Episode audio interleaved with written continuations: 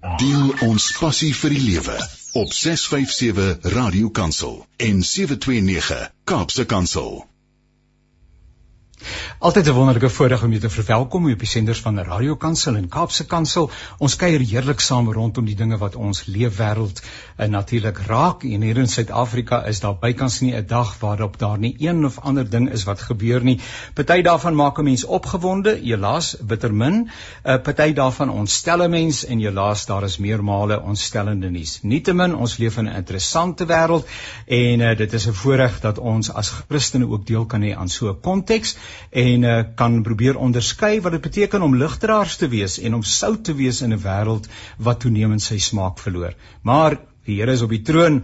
Hy's met ons almal op pad en ons is nie mense wat sonder moed is nie. Ons is hoopvol ook oor die toekoms.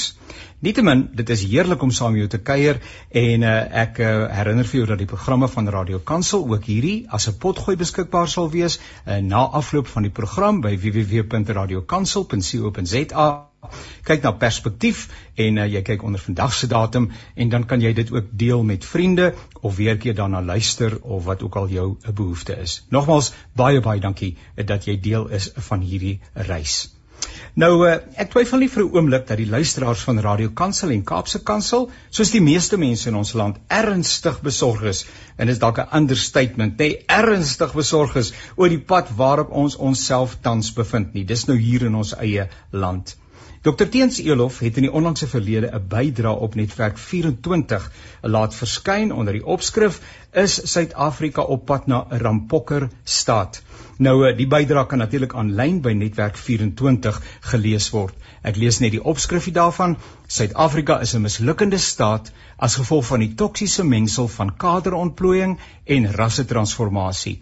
Dit het ook tot die kriminalisering van die staat en die ANC gelei, so skryf Dr Teens Elof. Dit is maar een van verskeie artikels en bydraes wat in die media verskyn en waar meningsvormers hulle ernstige voorbehoude en sonder omhaal van woorde uh hulle kommer oor ons land en sy toekoms uitspreek. Hier om saam te gesels inderdaad uh, Dr Teens Elof en hy's 'n onafhanklike kommentator. Dr Teens, dankie dat u die tyd inruim om saam met ons te kuier. Baie dankie Janie, dankie dat jy ons genooi het. Nou uh, die agtergrond waar jy jouself bevind is lyk vir my soos die waterfront in Kaapstad. Dit maak my verskriklik jaloers uh, wat in my somber studeerkamer sit. Is dit inderdaad waar jy jouself bevind of is dit net iets wat jou goed laat voel? Uh, en ek nie ek bevind my in die Kaap by 'n woonstel hier, ehm um, wat ek nog gebruik so eenmal 'n maand, uh, maar dit is 'n foto van uh, my my voor voorvenster wat op die waterfront, die Tygervallei waterfront uitkyk. Oor die ek sê dis net ons Afrikaners wat 'n quarry gat vol water gooi in waterfront. Dis pragtig. Uh, teens jou huidige konteks, vertel vir ons ietsie van die werk van uh so het ek dit ook raak gelees uh in Metwerk 24 jy word beskryf as 'n onafhanklike kommentator. So wat beteken dit? Ag, is maar 'n mooi manier om vir jou 'n titel te gee sodat jy nie ou as jy kan lees of nie lees nie. Ehm um, ek weet ek is by 'n paar trusts betrokke as voorsteur van Astral uh en ook van die Mos Inisiatief vir privaat onafhanklike Afrikaanse skoolgroep. Maar as ek skryf vir die werk 24 dan het ek nie een van daai hoede op nie.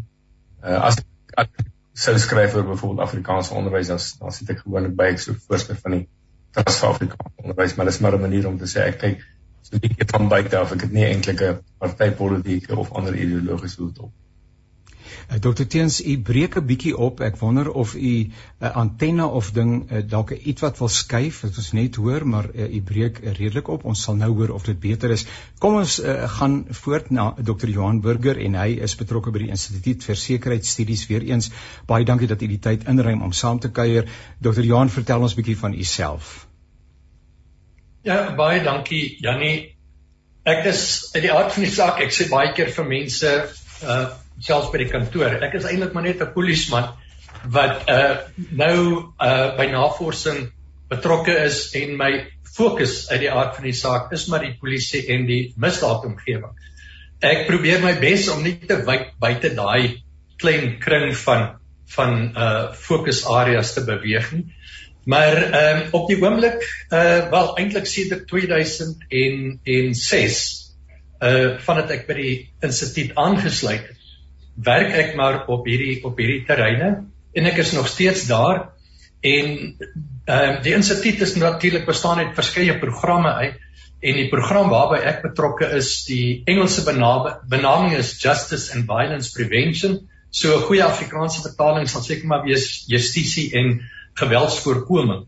So dit is maar wat ek doen, hoofsaaklik navorsing, publiseer gereeld, tree op by konferensies, seminare en natuurlik uh, media onderhoude is als uh, deel van die verpakking van verantwoordelikhede wat ons as navorsers het. So kort samevatting, dis wie en wat ek is. Dankie. Baie baie dankie. En uh, dan Theo Venter, ewenigs 'n bekende, ons het al dikwels saamgekuier uh, hier op die senders van Radio Kansel en besonder in die program Perspektief. Altyd heerlike voorreg om saam te kuier. Ek sien u naam baie gereeld in die media.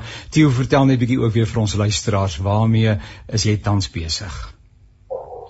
As ek dit moet opsom, Jannie, dan is ek nou 'n baie besige pensionaris. Ehm um, ek was so 37 jaar verbonde aan die aan die ou PU vir CAO later die NWI in verskillende hoedanighede.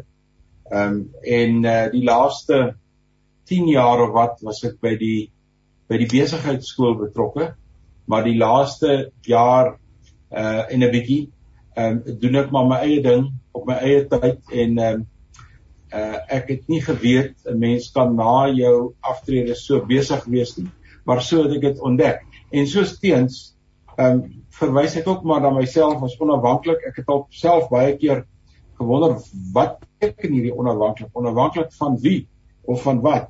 Maar ek dink dit is maar net 'n aanduiding dat 'n mens ehm um, jou mening huldig of jou posisie wat jy inneem doen sonder dat jy vasgevang in een of ander ander netwerk is en en dit is breedweg waar ek my myself bevind. Baie baie dankie Theo, dis heerlik om saam te kuier. Uh Theo, ons gaan net weer in terwyl van ons luisteraars, ons het nou die voorreg dat ons mekaar kan sien, uh, want hierdie gesprek word via Zoom gefasiliteer. Uh u kan natuurlik net u hoor net die stemme, u kan nou nie sien nie, uh, want u is nie op hierdie forum nie, uh, maar uh, ons sien mekaar en dit maak dit heerlik persoonlik dat ons mekaar as dit ware in die oë kan kyk. Uh Theo, ons gaan net weer uh, luister na die klankkwaliteit, anders gaan ons uh net op 'n ander manier met jou uh verbinding tree. Uh net so weer so ietsie van ehm um, van die skoonheid van die Kaap. Maak ons bietjie jaloers. Radio Pulpit 657 AM and 729 Cape Pulpit impacting lives from Gauteng to the Cape. Nou ja, dit gaan gewoon nou baie beter gaan. Dr Teens Elof, onafhanklike kommentator, Dr Johan Burger, Instituut vir Sekuriteitsstudies en Theo Venter, 'n politieke analis en wetenskaplike. Ons gesels saam oor 'n artikel wat onlangs uh, in Netwerk 24 verskyn het waar daar 'n bietjie nagedink word oor waarheen ons op pad mag wees hier in Suid-Afrika. Nou uh Theo, sê jy vir ons die agtergrond by die skrywe van hierdie artikel. Ek weet nie hoe dit met jou gaan nie, maar ek skryf so af en toe ietsie, maar iets moet ryp word binne in my en dan weet ek nou kan ek langer stil bly nie. Nou wonder ek of dit dalk by jou dieselfde was. 'n Bietjie agtergrond dat jy hierdie baie baie eerlike skrywe uh, as dit ware aan die openbare forum Suid-Afrika gerig het bewyse van hierdie artikel.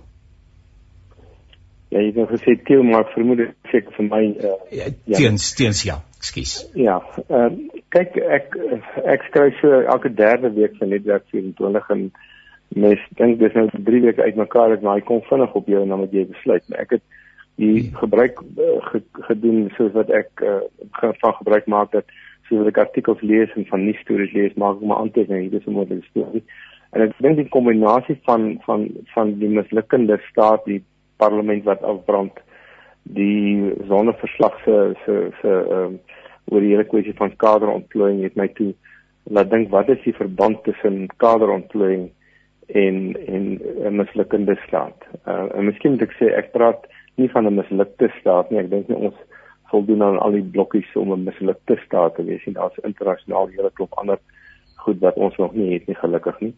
So dis 'n mislukkende staat sou hy in dele misluk en ander dele nie. En toe het ek maar 'n bietjie begin navorsing doen en toe gesien ook wat uh wat ander geskryf het, dele uit die sonneverslag dat Zondo toe inderdaad, soos wat die ANC bang was, baie sterk was oor die hele kwessie van die, die band tussen skakel tussen kaderontplooiing en die mislukking van al die openbare ondernemings. Die soort sogenaamde staatsbeheerde ondernemings wat SBO is. En dit het my op op die pad van hierdie artikel gebring en miskien moet ek daarom net sê uh, Johan sal dit van van Rampokkerstaat baie meer weet as ek. Uh, ek het maar in een sinnetjie in die artikel geskryf dalk is ons van 'n mislukkende staat na 'n pokkerstaat op pad en die en die uh, die subredakteur wat die opskrif gedoen het, toe gedink dit klink baie beter as my opskrif en hy het dit die opskrif gemaak. Maar uh, so dit gaan eintlik meer oor die die punt wat ek wil maak uh, Janie is dat kaderontplooiing is nie vreemd in die wêreld nie. Uh, word ander dinge genoem, maar baie baie lande gebruik maar staatsamptenare om te sorg dat hulle lojaal is aan die regerende party. Ek dink Brittanje is dalk 'n klein uitsondering. Uh ek dink in in Amerika sal Theo vir ons kan bevestig dat die aanstelling van regters is uiters partypolities. Die weet Trump stel sy ons aan en Biden probeer hulle afkry en stel sy ons aan. Maar wat in Suid-Afrika anders was is dat dit baie dieper gegaan het, baie gegaan het as net topstaatsamptenare. Dit het ook na die onafhanklike sogenaamde hoofstuk 9 instellings toe gegaan wat volgens die grondwet onafhanklik moet wees en dit het oorgegaan na die staatsbeheerde ondernemings. Dis die een saak. Die tweede saak is dat in Suid-Afrika het dit 'n 'n toksiese aard gekry deurdat dit gekombineer is met die hele wat ek nou maar noem die ideologie van rasse transformasie van die ANC en dit is dat hulle wil deur deur ras en deur die meerderheid van Afrikaners of swart mense in die land wil lê dat elke enkele instelling uh, in die land die rasse demografie van die land moet weerspieël en nie net op hoë vlak nie op elke subvlak. So die uh, minderhede mag nêrens uh, 'n meerderheid wees of 'n uh, derde nie. Minderhede moet bly waar hulle is, 9% wit, nog 'n bietjie minder as 9, 9% bruin en 2% indiër. En die instrumente van die rasse transformasie ideologie is basies 'n uh, uh, uh, affirmative action of of 'n diens 'n diens neem, gelyke diensneming, uh regstellende aksie en swart ekonomiese bemagtiging. En dit het gemaak dat kaderontplooiing 'n veel erger effek in die Suid-Afrikaanse samelewing gehad het. En dit het toe gelei na korrupsie. Dit is eintlik die deur oopgemaak vir korrupsie. En natuurlik daarbey uh, het ek twee keer daarna verwys, het dit ook hier en daar gelei tot kriminalisering. So dat byvoorbeeld veral op, op plaaslike vlak is dit baie duidelik in KwaZulu-Natal en agter dat daar kriminele elemente die ANC takke geïnfiltreer het en dat hulle op grond van hierdie kaderontplooiing nou die plaaslike owerhede eenvoudig geplunder het in vir hulle self uh, en en en vir kriminele syndikaate. So dit is dit is die agtergrond. So die punt wat ek wil maak is kaderontplooiing in Suid-Afrika is veel erger as wat dit kon gewees het omdat daar 'n uh, ideologie van rastransformasie deur die deur die regerende party gedryf word. Goed, kan ons kan ons van die lyne opneem en bietjie daaroor saamgesels Theo en Johan. En miskien kan ons nou begin by by die hele saak van kaderontplooiing. Uh en en waar en hoe dit verkeerd loop. Uh Theo het aangedui en genoem dat dit uh, nie aan die internasionale wêreld vreemd is nie. Uh het ook geraak daaraan dat dit in Suid-Afrika skeef geloop het. Ehm um, as ek baie keer so lees en luister dan voel ek in my eie gees moet sê, maar maar inherent het ek nie hiermee 'n probleem nie, maar is hoe dit uitspeel in die praktyk. As ek nou byvoorbeeld dink aan en goed ek is nou onmiddellik by die by die, by die volgende saak, maar maar maar partykeer luister ek so en sê ek ek kan verstaan gegeewe die samestelling van ons uh bevolking in Suid-Afrika ensovoorts ensovoorts eh, kan ek die rasionaal daar agter verstaan, maar nou word dit 'n verskriklike monster in die praktyk. Kom ons begin by jou Theo asseblief. Jy moet net jou mikrofoon aanskakel. Mikrofoon asseblief Theo. Jannie, ek wil so 'n treetjie teruggee. Ehm um, asseblief. Uh, ek hou nie persoonlik baie van die terme uh falende staat of mislukte staat of ehm um, rampokker staat nie. Dit is kategorieë wat 'n mens kies en die oomblik wanneer jy dit kies, dan ontneem jy jouself 'n mate van genuanceerdheid want ehm um, daar is uh, baie sterk ideologiese uh ontwerpe agter al hierdie terme. Die Amerikaners het byvoorbeeld eers te begin met die term uh mislukte staat in van hulle think tanks. En 'n mislukte staat in hulle oë was iets soos Somalië of miskien Libië vandag. So teens is heeltemal reg as hy sê die mislukte staat um is 'n bietjie verder af um as 'n mislukkende staat. 'n Mislukkende staat is miskien op pad sien toe. Die tweede punt wat ek wil maak is dat ons moet onthou daar is 'n partytetiese ontwerp in Suid-Afrika wat onderliggend is aan al hierdie probleme. Ons het dit nou weer gesien met die met die hoofvlak verslag wat uitgekom het oor KwaZulu-Natal, ehm um, die bevindinge wat hulle gemaak het. En die onderliggende faktor is dat die ANC 'n dominante party is. Nou 'n dominante party het die vermoë om alle geledinge in die samelewing te beheer. Hy het die vermoë om sy wil af te druk en dan is die oppositiepartye gewoon net nie sterk genoeg om terug te druk nie. Nou iets van daai dominansie het natuurlik skade gekry in die in die verkiesing in November verlede jaar en ek dink die ANC voel dit aan sy eie bas dat ehm um, miskien is sy steen na 25 27 jaar besig om te erodeer. Dit op sigself ehm um, kan korreksies in die in die party veroorsaak, maar ons sal maar wag en sien. Ek dink so teen môre aand dan behoort ons 'n beter idee te hê oor hoe dink minstens die president daaroor in sy staatsrede. Maar ehm um, teens is heeltemal reg. As jy na die Amerikaanse stelsel kyk, hy het nou die voorbeeld van die regters genoem wat blaatant polities ehm um, gekies word. Die proses is nou nie heeltemal op die vlak van ons eie regterlike dienskommissie nie wat ja wat nou nogal 'n 'n sirkus is, maar as jy kyk na die vrae en die soort optredes in die Amerikaanse Senaat wanneer um, hierdie regters onder kruisverhoor geneem word, dan is dit uh, dit is 'n uh, dis 'n riller in alle opsigte en dit kan 2 of 3 dae aanhou in die helfte van wat daar gebeur. Is nie noodwendig vra wat aan die regter gevra word nie, maar politici wat stellings wil maak, wat eintlik hulle eie posisie op die platform wil plaas. Nou, ja. hoekom werk dit daar? Dit werk daar omdat die twee politieke partye baie naby aan mekaar lê ten opsigte van wie se beheer en wie nie. So die kans om ehm um, kaderontplooiing te gebruik en 'n klomp swak mense aan te stel is baie kleiner en in baie ander lande is presies dieselfde gebeur. Die ANC het geen weerstand gehad teen wie hulle aangestel het nie en dit is hoe swak swakkelinge die norm geword het in 'n klomp aanstellings in die staat waarvoor ons 'n prys betaal. En ek het 'n idee en Johan sal vir ons kan vertel hoe een van die belangrikste aanstellings in die staatsdiens, naamlik die kommissaris van polisie, oor tyd al swakker en swakker geword het um, vir een of ander rede.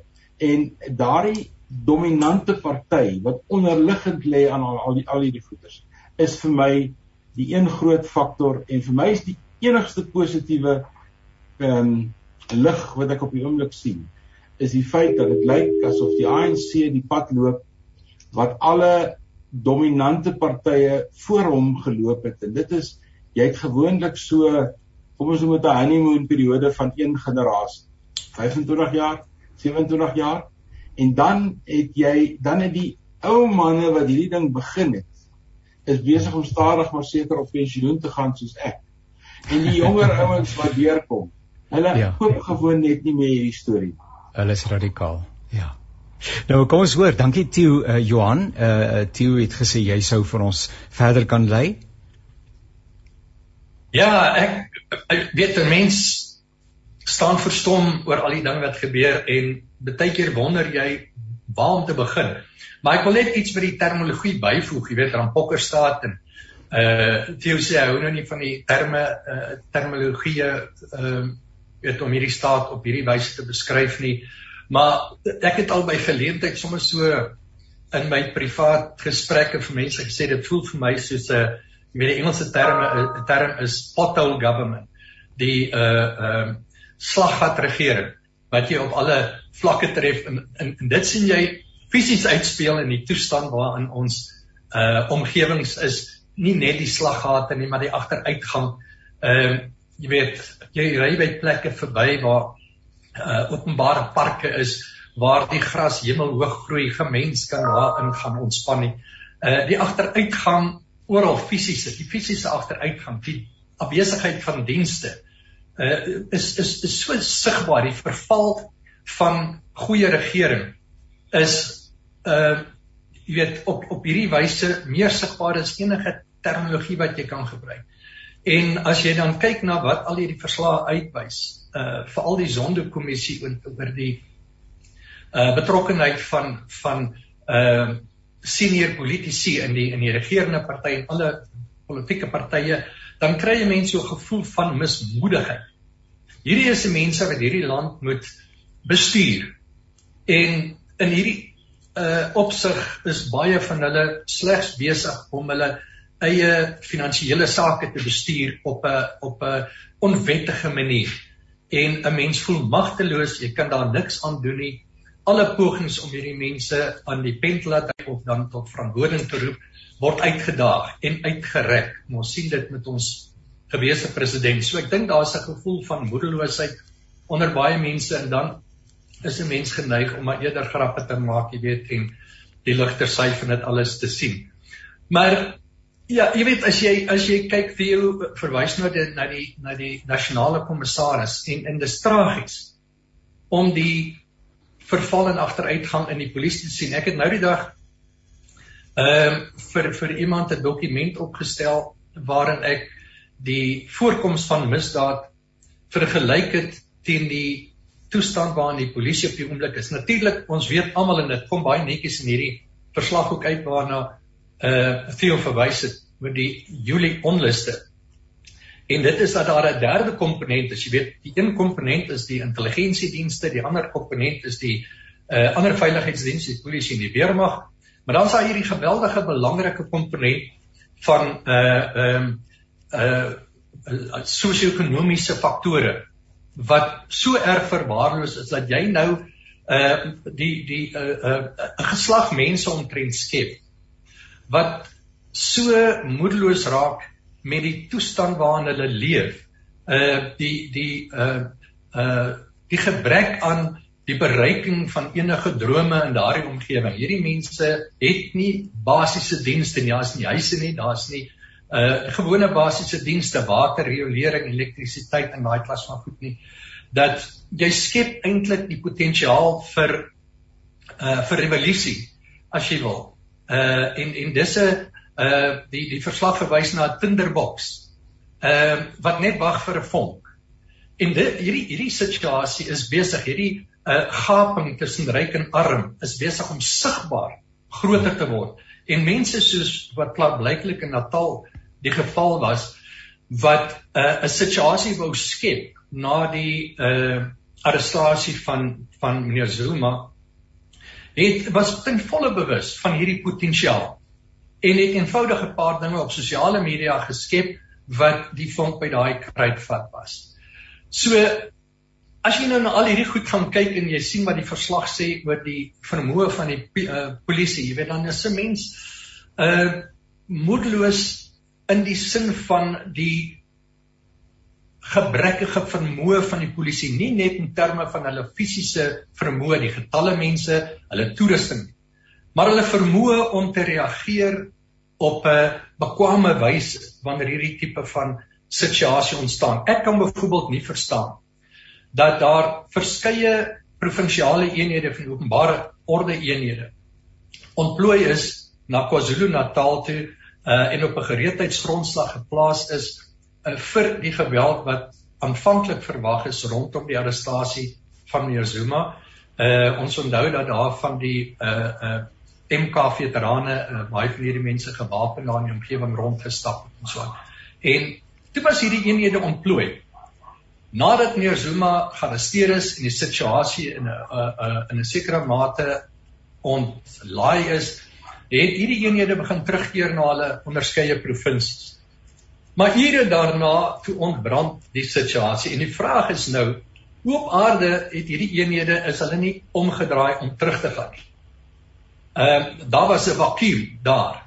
En dit bring my nou terug en dan sal ek op praat, maar as jy kyk na die na die nasionale kommissaris. Ehm uh, jy weet die arme man is uh, heeltemal uit sy diepte uit Hy was hy's nou wel 'n loopbaan offisier, maar hy was uh al sy jare by ondersteuningsdienste in die polisie, veral by finansies betrokke. Hy het geen operasionele ervaring. Dit is hoekom hy so swak gevaar het toe hy voor die uh paneel moes dan getuig daar in in Natal. Ehm um, uh toe hulle hom gevra het hoekom was hy nie op die toneel en hy sê hy bestuur die situasie uit sy kantoor. Uh jy weet dit dit dui op 'n man wat uh, totaal en al uh, gebrekkig gebrek het aan aan aan insig uh, en die vermoë om operasionele situasies te hanteer, maar wat ook nie die selfvertroue het om daar tussen 'n klomp geharde polismanne te gaan staan en so 'n situasie te bestuur nie. En as jy as jy jy weet hy hy's nou 'n ou wat behalwe die feit dat hy moontlik betrek kan word by daai grabber aankoop wat onderheelmatig was uh en waarvoor hy nou pak gekry het in die in die in die in die hof omdat hy nie die dokumente aan die uh openbare orde uh uh um, oopot die onafhanklike polisie ondersoekdirektoraat beskikbaar stel nie. Uh hang hierdie wolk nog steeds oor hom dat hy eintlik baie dieper betrokke was as wat hy as wat hy wou erken. Maar behalwe vir dit is hierdie ou andersins lyk dit vir my uh nie so by misdadigheid betrokke as sommige van sy voorgangers nie. Maar die, die probleem en dit is my laaste gedagte hieroor wat van hierdie ander senior offisiere het. Ek het byvoorbeeld gesels met generaal Lebia by die Valke. Uh binne in Clemenza wat ons weet deur 'n hofbevel uit sy pos ontruim moes word. Was was was uh ontplooi na daai pos toe deur die uh, vorige bedeling wat deel was van die staatskapingsopsie. En en hy het op sy beurt ontslaag geraak van 'n klomp bekwame, ervare ondersoekers by die Valke. En hy het gespog daarmee. Johan Boysen, een van die mees bekende gevalle, 'n uh, 'n uh, slagoffers van sy optrede. So die Valke sit nie net sonder daardie bekwame mense nie, maar hulle is vervang deur mense wat uh binne het mense aangestel om hom te ondersteun in terme van sy ek wil omtrent sy kriminele mandaat. Libya se grootste uitdaging is nou nie net om al hierdie sake te hanteer wat nou sy kant toe gegooi word deur die Sonnekommissie en ander nie, maar hoe om weer kwame personeel in plek te kry en ontslae te raak van hierdie mense wat onreëlmatig aangestel gestel uh, is. Dis 'n geweldige probleem dieselfde met misdaadintelligensie. Maar in elk geval, ek skets maar net die prent om te sê ja. op die ou end sit ons met die gevolge van al hierdie misplaaste aanstellings. Uh, kaderontplooiing uh en en en en en 'n klomp ander goed wat daarmee gepaard gaan. Uh, eh, Dr. Johan Burger wat so lekker gesels. U luister na die programme van Radio Kansel. Hierdie program se naam is Perspektief. Deelnemers aan ons program is Dr. Teens Elof, uh, eh, Dr. Johan Burger en Theo Venter. Ons gesels oor Suid-Afrika. Ek wil amper sê in die vraag Q Wades, waarheen is ons op pad? Uh nou, uh, kollegas, in aansluiting by dit wat Johan en Theo en u uh, self gesê het, Teens, ehm um, wonder ek tog wel, ehm um, vind hierdie gesprek dan nou ek fasiliteer redelik baie van hierdie tipe van gesprekke omdat ek dink dit belangrik is en dit baie aktueel is. Maar ek wonder altyd vind dit dan in 'n vakuum of 'n lug leegte plaas. Is daar nie 'n adres waar die kommer en die bekommernis en die besorgdheid ensovoorts ensovoorts as dit ware tuis kom, 'n forum waar 'n mens gehoor word nie.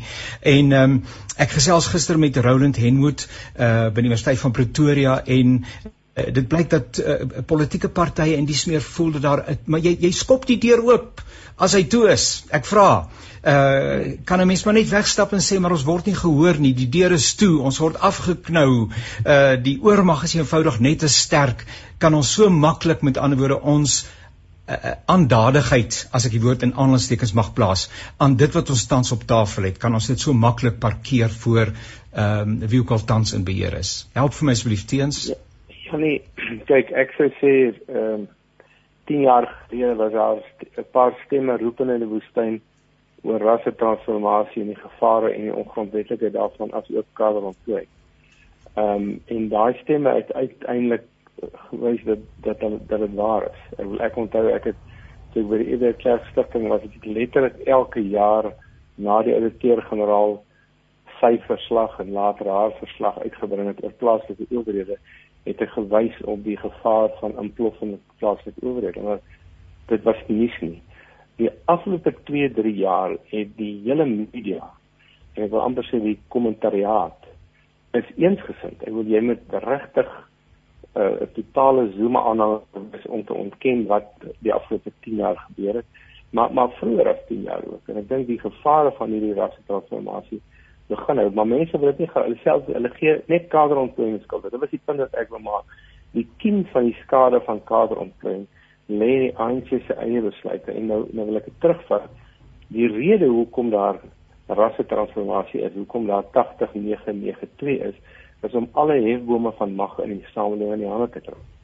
Ek maak die punt dat dit dit geld nou nie net meer vir die staatsdiens nie, dit het, dit het klaar gebeur en dit is die rede dat ons al die moeilikheid het want dit onbekwame mense wat bloot op grond van ras aangestel is.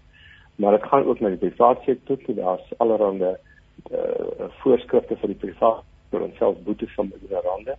Dit gaan na die kultureel sport uh, terrein toe, ons sportspanne ek het vra die vraag in die artikel wanneer gaan Afrikaanse kerke gehoor julle is nie getransformeer genoeg en julle mag nie net wit hervormers in teel se geval of in my geval wit eh, Afrikaanse doppers hê nie. So die ding is is is 'n diaboliese stelsel. En ongelukkig is is die ANC nie bereid om daarvan afstand te doen soos wat die president uh, in voor die sondekommissie gesê het. Karel Klein kan nie gaan nie en uh, al die ander instrumente van swart ekonomiese bewaking, hulle sien dit as 'n manier om aan bewind te bly. Nou dat nou is daar twee dinge. Die aan die een kant sê hulle maar hulle wil die hulle wil swart mense in in in hulle regte plek herstel in die land wat waaroor ek nie 'n probleem het nie. Maar nou is die selfde onderwysstelsel basiese onderwys en hoër onderwys wat dit moet vermag het geval. Nie so die basiese onderwysstelsel. Dan die die die instrument om mense te kry wat bekwame is om om dit te doen is is nie daar nie. So dis die een probleem. Die tweede probleem is dat ons het in ons haas en ek sê ons ek bedoel eintlik die ANC om die die staatsdiens en ander uh, instansies uh, te kry by hierdie formule van 80% het gewoon te vinnig en te veel van bestaande ervaring ontslag geraak. En, en ek is seker Johan ek kan 'n klomp nie stories nie ware verhale vertel van ouens wat gewoon gesê het dis nie nou meer jou beurt nie laat jy gaan. Dis nou ons beurt om om ons eie foute te maak. So ons het 'n klomp ervaring verloor soveel sodat ek in in gehoor deesdae as hier en daar nog praat dan vra ek vir mense 'n retoriese vraag wat nie eintlik retories is nie. Ek sê hoe lank vat dit om 10 jaar se ervaring op te doen?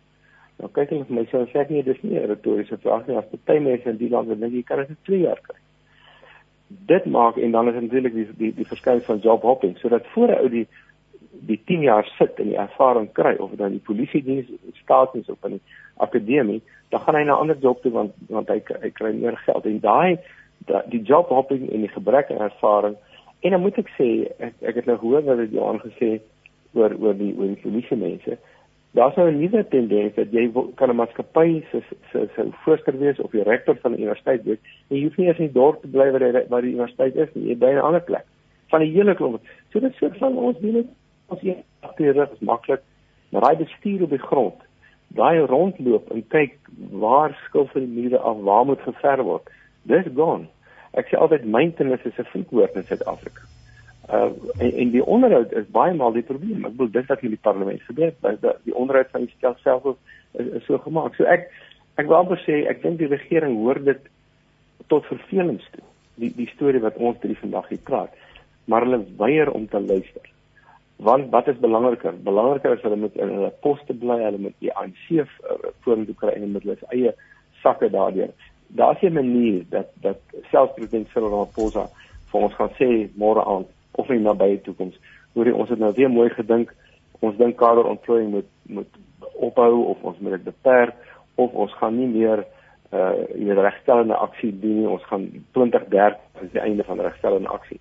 Dit nee, want want hulle sien dit as 'n manier van beheer en ek het harde woord gesê, ek het gesê die ANC kan nie anders nie as om in terme van ras te dink en die ANC kan nie anders as om in terme van beheer te dink nie en hy dink die ras oor beheer. Nou goed, ten slotte in hierdie segment wil ek net sê ek dink daar's ook al hoe meer konsensus van linksmiddel tot meer gematig en selfs 'n bietjie aan die regterkant dat die ANC se tyd is uitgedien.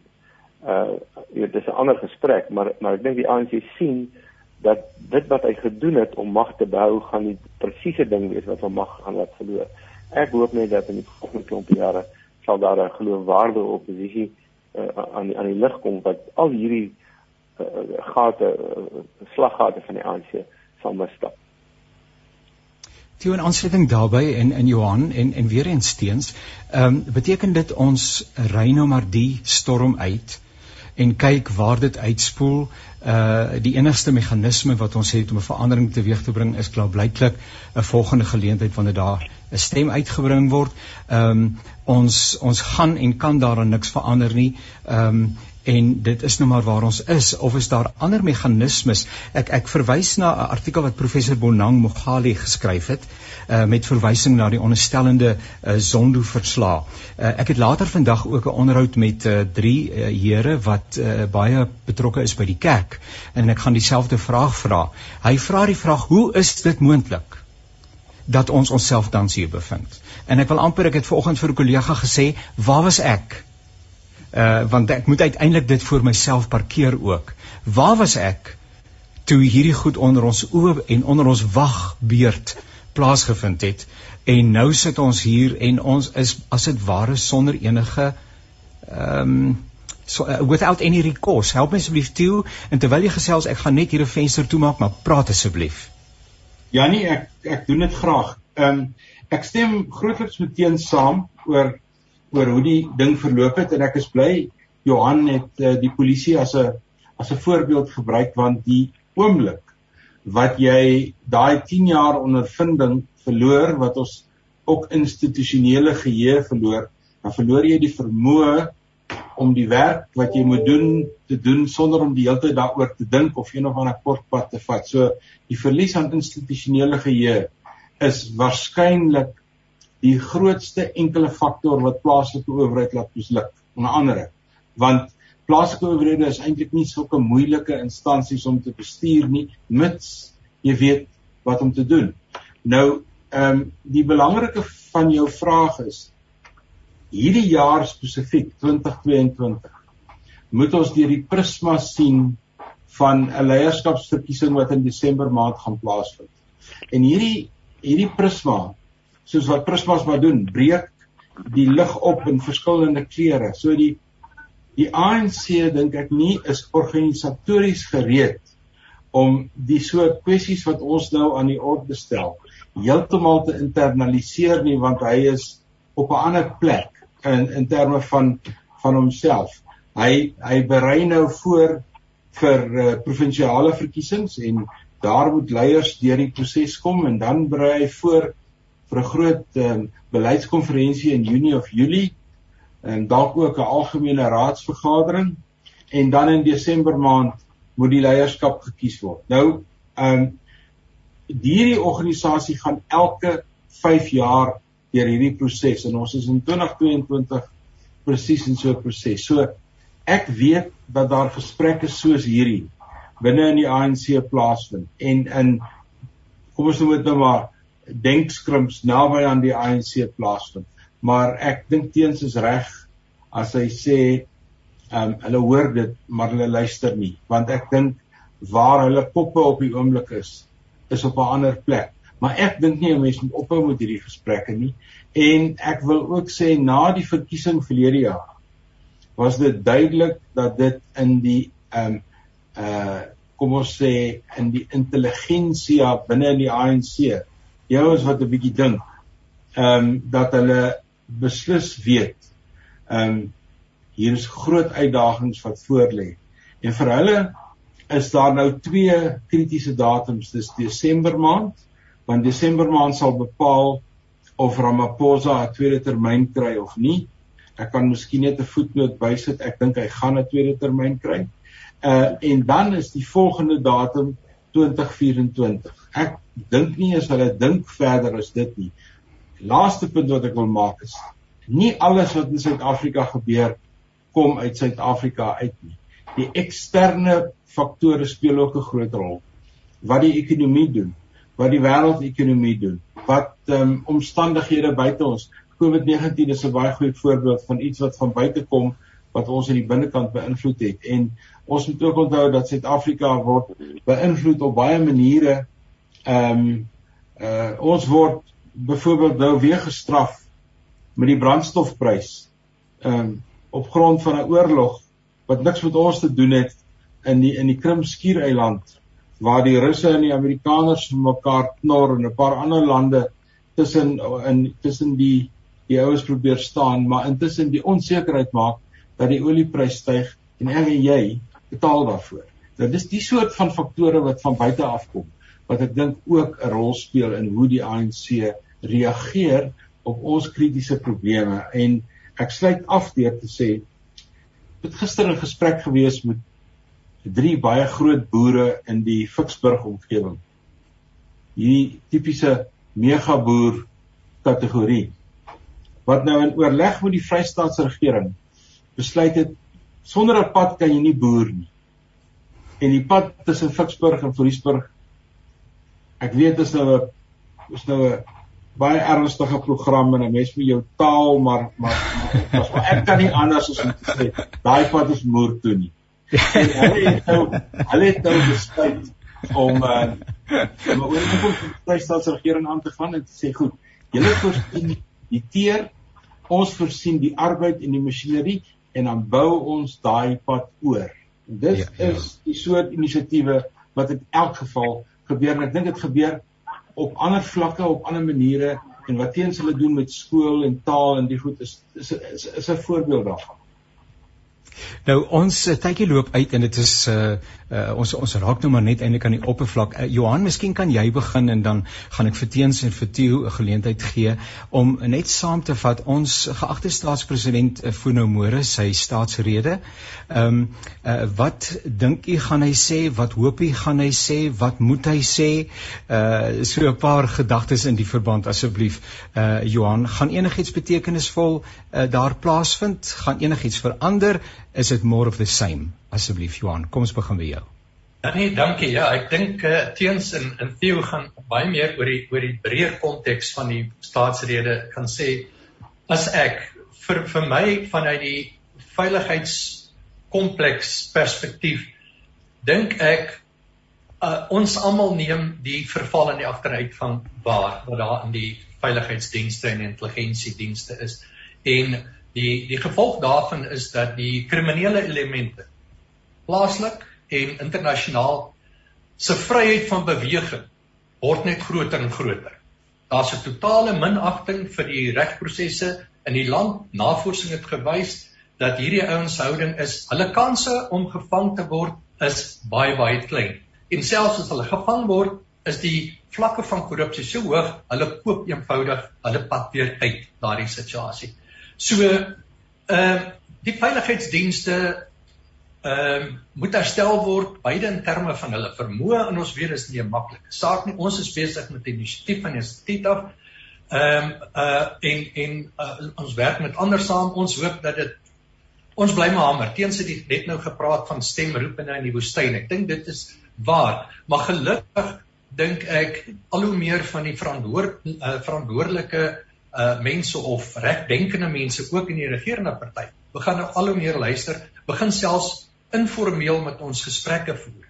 Dan daaroor kan ons nog 'n ander dag gesels. So om terug te kom na dit alles, ek dink vanuit hierdie veiligheidsperspektief waarna ek kyk en ek dink my kollegas by die instituut en, en almal in die omgewing werk, waarna ons kyk is vir die president om direkte en sterk uitsprake te maak oor kritiese goed wat nou in die veiligheidsdiens aan die gang is. Die verslag byvoorbeeld wat nou eergister uitgereik is, verwys na die leierskapsprobleme binne die intelligensiegemeenskap, veral die staatsveiligheidsagentskap. Hierdie goed is al in Sydney Mufamadi se verslag uitgewys. Hy sou plaas na die presidentskap toe om te sorg dat die aanbevelings geïmplementeer word. Of daar's nog niks gedoen nie of hulle kommunikeer nie dit wat gedoen word. So kommunikasie na die publiek toe oor die positiewe konstruktiewe goed wat gedoen word, uh moet beter wees. So ons sal graag wil hê die president moet dit aanraak oor wat word nou gedoen. En die verslag gee vir hom die uh geleentheid om te reageer op daai punt. Maar dieselfde leierskapkrisis bestaan in die polisie ook. Hier het die president al verlede jaar Fakitwa Setolle 'n brief gestuur gesê ek oorweeg om jou te skort en sy het my redes kan teel om dit nie moet doen nie. Ek het verstaan daai proses is lankal afgehandel. Nou is daar 'n doodse stilte. Niemand weet wat gebeur nie. So die polisie is in 'n krisis. In sy leierskap is die bron van daardie van daardie krisis. Ondertoe is dit makliker te hanteer. Ek verwag natuurlik die kritiek wat op die polisie intelligensiedienste in hierdie verslag uitgespreek is. Ek verwag dat die president iets oor hierdie goed moet sê. En nie net daaroor moet praat, mooi broodjies bak nie, hy moet met konkrete stappe kom en sê wie gaan wat doen om daardie aanbevelings uh uh te implementeer of ten minste aandag daaraan te gee. So ek sit met 'n verwagting dat die president oor hierdie kritiese goed leiding moet gee, moet vir ons 'n rigting gee uh môre. Baie dankie Jan. Johan Burger, hy is uh, die by die betrokke by die Instituut vir Sekuriteitsstudies. Uh ons het as jy hulle saam met die horlosie dophou, ons het 5 minute. Uh dan moet ons afsluit so teens. Kom ons hoor by jou asseblief. Wat ek, hoop jy gaan die staatspresident sê? Ek gaan vir Theo los dat hy met die staatspresident praat. Ek wil net vir Johan sê daai ou grappie van die ou breinman met die biduur in die Weskus. Hy sê uh, toe hulle hy vir die mense vra wat doen hulle daar in die kerk op Woensdag? Hy sê nee, hulle bid vir reën. Toe sê hy julle kan try maar die wind waai wes. So ek dink Johan moet net sy asem ophou met daai verwagting van hom nie. Ek wil graag jou vraag antwoord so maak met vier kort punte oor wat sal ons doen. Ehm um, ja. ek dink vir hierdie gehoor maar ook vir ander gehore, ek dink bid is 'n goeie ding. Uh want Inderdaad. want hier is 'n ding wat groter is as net 'n organisasies goed. Die tweede is om te bly praat met mense op die grond, met met ander mense van Afrikaanse mense, met swart mense, met bruin mense en veral Christene. Ek dink die die Christ die Christene se se taak om kerkeenheid weer te beleef en moet ons aanhou doen. En en ons sal sien daar's baie meer gewone mense wat met ons saamstem oor die goeie situasie. Die derde ding is om om te besef ons is as minderhede op ons eie. Uh solidariteit praat van staatsbestand. Nou ons kan nie heeltemal staatsbestand wees nie. Ons weet dit vir altyd die sekuriteitsoogpunt, maar daar's baie dinge wat ons kan doen om aan te gaan. Ons kan paaie maak soos steeds uh, gesê het. Ons kan ander goed ja. doen. So dis die derde en dan die vierde ding is om net perspektief te bou dat ons ons het nie ons het nie in beheer oor hierdie saak nie en as as as, as uh, Christene en veral as aan as wit Afrikaans sprekende Christene het ons nie die mag om dit by die stembus te verander nie, maar ons kan beïnvloed. En ons weet daar's 'n einde aan hierdie saak en dit lyk ten minste of ons in 2024 gaan die ANC waarskynlik nie meer 'n meerderheid hê nie. Hy kan met alliansie se note aankom. Maar as dit aangaan soos nou aangaan, moet ons 'n nuwe regering hê en daar kan party van ons wat partypolities wil betrokke raak, kan dink aan nuwe partye wat teen 2029 kan oorneem. Baie dankie. Dit is Dr. Teens Elof van Huys, onafhanklike kommentator. Baie baie dankie. Theo, jy het 2 minute om met die staatspresident te gesels. Sou jy wou of 'n ander perspektief? Nee, nee, ek dink dit is belangrik dat ons 'n bietjie kyk na wat is noodsaaklik. Dit is reeds aangedui dat hy in sy staatsrede gaan verwys na die KwaZulu-Natal geweldsverslag. En ek het so gevoel in my en en Johan, ek hoop ek is reg dat die feit dat Kegasitole se se skorsing nou al maande op sy lesenaar lê dalk kry ons nou môre 'n verrassing teens dit mag dalk nou net so werk maar ek dink sy grootste uitdaging môre is weer eens om te praat oor die besigheidsklimaat um, om mense te oortuig dat dit die moeite werd is om nog by Suid-Afrika betrokke te wees en dat hy met ander woorde ook gaan verwys na elemente van die Sonderkommissie wat hy na kan verwys. Hy het aangedui dat hy so in my maand sal reageer, maar ek dink uitsprake en en standpunte inneem oor korrupsie sal beslis um, deel maak van sy staatsrede en dan ehm um, wat die regering kan doen met betrekking tot ehm um, tot uh, ander ehm um, projekte wat kan ontwikkel. Veral die goed waarna Johan ook verwys het ehm um, wat hulle in die verslag um, uitwys en dit is die sosio-ekonomiese ongelykheid, die armoede. Ehm um, die wêreldekonomiese forum het in hulle risikoverslag wat vroeg hierdie jaar gepubliseer is, gesê Suid-Afrika is een van 31 lande in die wêreld waar ekstreme armoede 'n soort onstabiliteit veroorsaak het wat 'n mens behoort te kwel. En ek dit staan ook in hierdie verslag so ek dink dit moet aangespreek word. Ons moet net nie oorspanne verwagtinge hê nie. Daar stel ek weer meteen saam dat die die president môre een of ander haas uit die hoed gaan trek. Staatsredes is algemene goed. Daar word nie baie besonderhede of detail verskaf nie. hier moet jy maar in die begroting en selfs in die begrotings ehm um, redes van die verskillende departemente gaan soek. Maar ek dink ehm um, ek het twee verwagtinge van die president môre dat hy ehm um, dat hy bemoedigend sal wees en dat hy aanduiding sal gee dat die regering verstaan hoe groot sy uitdaging is waaraan hy nou moet voldoen. Gegeewe dat ek vroeër gesê het ons moet dit maar deur die prisma van 'n leierskapsverkiesing sien wat einde van die jaar gebeur. Die stem van Theo Venter, baie baie dankie Theo, 'n uh, uh, politieke analis, wetenskaplike. Ons het lekker gesels Theo en uh, Teens en Johan, baie baie dankie vir julle deelname. Luisteraar, ons is sout en lig en vir ons daai metafore gegee het, het hy nie bedoel dit is vir 'n ideale wêreld nie. Daar's uitdagings en aansluiting ook by dit wat Teens gesê het. Ons is hier om 'n verskil te maak. Kom ons uh, onderskei waartoe die Here verroep in 'n tyd soos hierdie. Baie baie dankie dat julle ingeskakel was. Baie dankie aan Woesie wat vir ons die tegniese versorg het. Tot 'n volgende keer. Alles wat mooi is.